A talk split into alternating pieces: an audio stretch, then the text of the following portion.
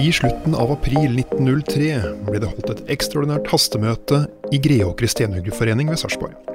Fagforeningen hadde mottatt et brev fra Fredrikstad håndverkslag angående muligheten for å delta i deres demonstrasjonstog den 1. mai i Fredrikstad. Laget ønsket stenhoggerne fra Greåker velkommen, og det ble foreslått at de ble med på musikken som Kråkerøys avdeling skulle holde, siden det var så få selv. Det ble enighet om at Stenhuggerforeningen skulle betale halvparten for dette. Dette var i den spede begynnelsen av arbeidernes 1. mai-feiring her i Norge. Og i Sarpsborg ble det aller første demonstrasjonstoget på arbeidernes dag holdt bare året før, i 1902.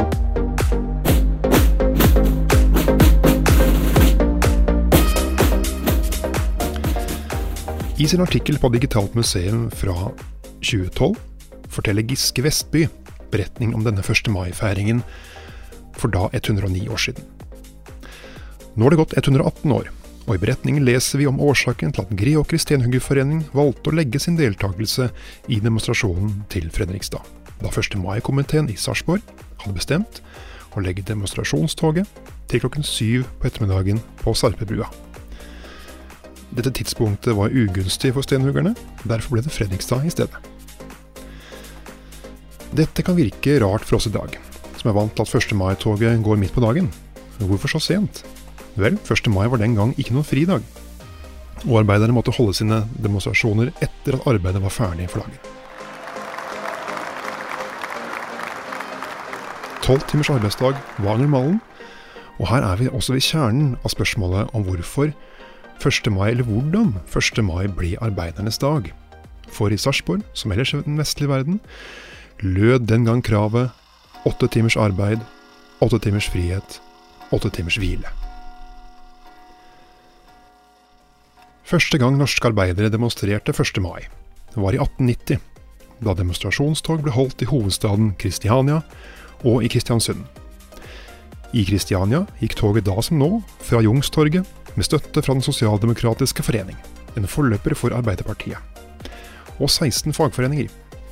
Siden ble det en dag for arbeiderklassen til å vise styrke og føre frem viktige saker for arbeidsfolket.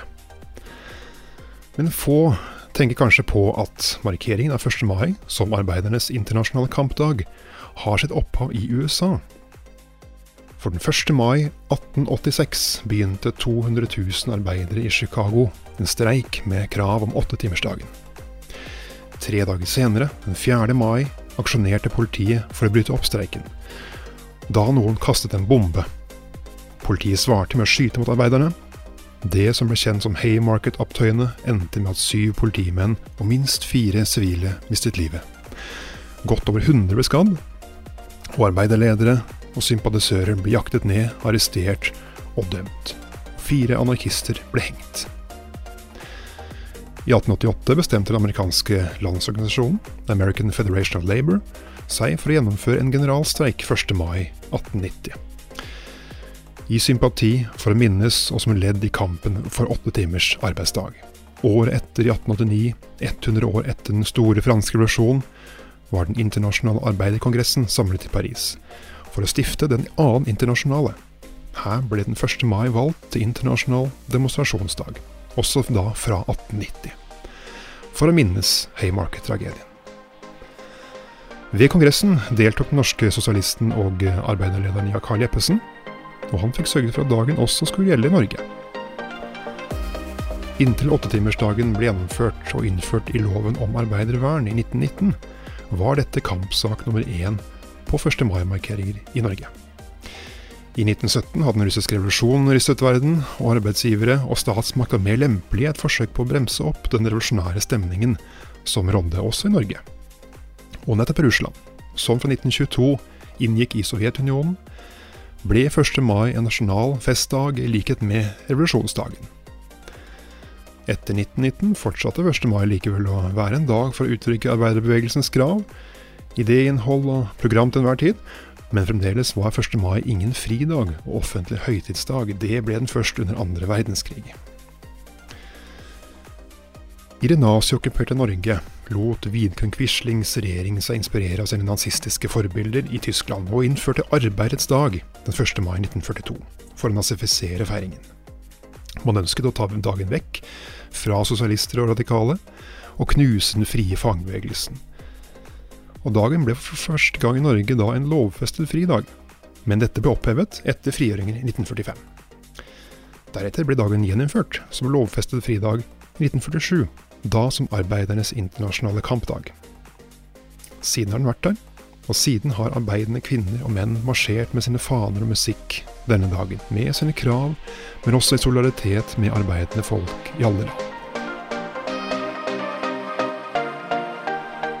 Det er ikke bestandig det går stille for seg, selv om det i Norge sjelden kommer til alvorlig sammenstøt og voldsbruk 1. mai, som tilfellet kan være i land der motsetningene mellom arbeidsfolk og myndigheter er store, så har det likevel vært alvorlige henvendelser også i Norge.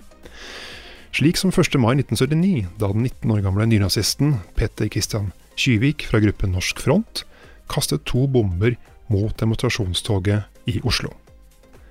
To personer ble alvorlig skadet, heldigvis ble ingen drept. Også i år, som i fjor, blir nok 1. mai-markeringen litt annerledes enn den har pleid å være.